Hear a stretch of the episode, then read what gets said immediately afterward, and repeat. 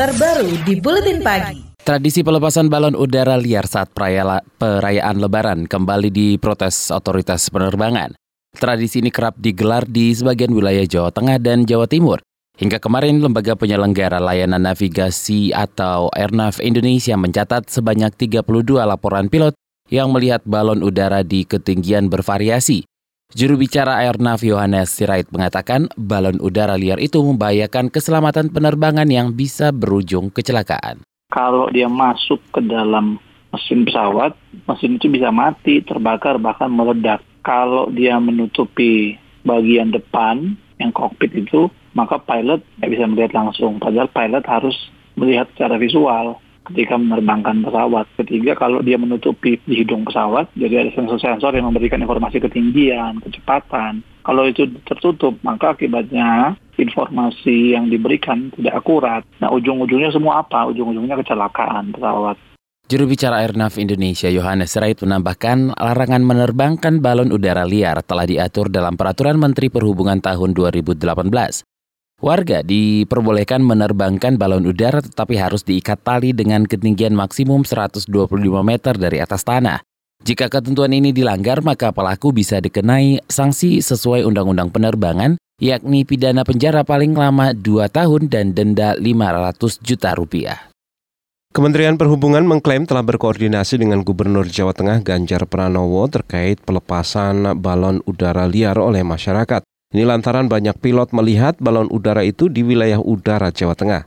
Salah satu daerah yang kerap menggelar tradisi balon udara liar adalah Wonosobo dan Pekalongan. Juru bicara Direktorat Jenderal Perhubungan Udara Hengki Angkasawan mengatakan, Kementerian Perhubungan dan Gubernur Ganjar sudah sepakat melakukan penertiban balon udara liar mulai hari ini saat ini masih uh, kita masih persuasif ya Mas. Jadi otoritas bandara di Jawa Tengah sudah melakukan juga pengawasan terhadap hal tersebut dan kita lihat besok semoga itu sudah bisa uh, di manage.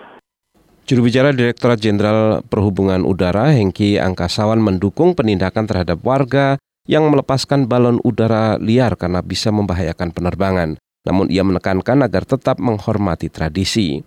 Salah satu upaya yang akan dilakukan pemerintah adalah mengedepankan upaya persuasi seperti sosialisasi aturan dan edukasi masyarakat, di antaranya melalui penyelenggaraan Festival Balon Udara di Wonosobo dan Pekalongan pada pertengahan Juni mendatang.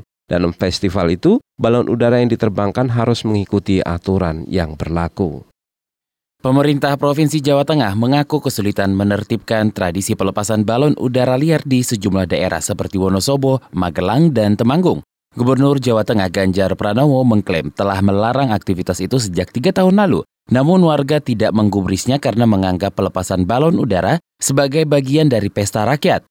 Ganjar menyebut hal itu sama sulitnya dengan melarang warga membunyikan petasan saat lebaran atau tahun baru. Sebenarnya sudah sejak tiga tahun yang lalu kami bekerja sama dengan Airnav untuk memberikan penjelasan ini kepada masyarakat. Memang tidak mudah, maka aparat terendah yang bisa komunikasi dengan masyarakat seperti Kades Camat memang harus menyampaikan harus dilarang. Bahkan usul saya dulu dibuatkan saja lomba dipakai tali dengan ketinggian yang dibatasi sehingga mereka bisa uh, tetap mengekspresikan dalam bentuk balon tapi tidak bisa melampaui dari ketinggian yang mengganggu penerbangan. Gubernur Jawa Tengah Ganjar Pranowo enggan memproses pidana warga yang menerbangkan balon udara liar.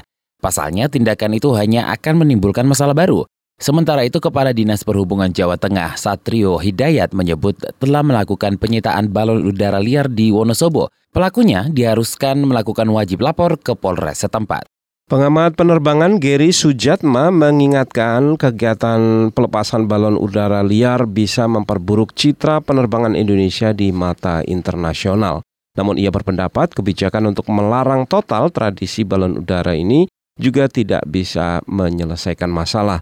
Gary menyarankan tradisi itu diatur agar balon udara bisa diterbangkan serempak di satu titik yang sama. Kalau dua negeri metodenya bukan dilarang, ya, tetap kalau memang kegunaannya apa apa cukup marak gitu. Mereka tidak melarang cuma mereka mengatur. Dalam arti meluncurinnya bersama di satu titik yang bersama. Jadi ini kendala di Indonesia kan masalahnya yang luncurin di ratusan titik dan waktunya uh, terpisah-terpisah semua. Jadi susah gitu mau dikendaliin. Kalau kemarin kita mau tam apa mau bikin kompetisi ditambah ya akan tetap ada orang-orang yang ngeyel gitu untuk nggak maunya lepasin dan cari tempat sendiri gitu. Akhirnya tidak terkoordinasi Pengamat penerbangan Gary Sujatma mengakui pemahaman masyarakat Indonesia masih rendah soal keselamatan penerbangan.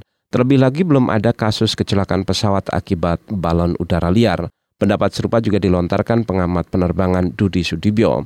Sebelumnya, saudara lembaga penyelenggara layanan navigasi Indonesia atau Airnav Indonesia mencatat ada 30-an laporan pilot yang melihat balon udara di ketinggian bervariasi sehingga banyak pesawat yang harus mengalihkan rute. KBR, inspiratif, terpercaya.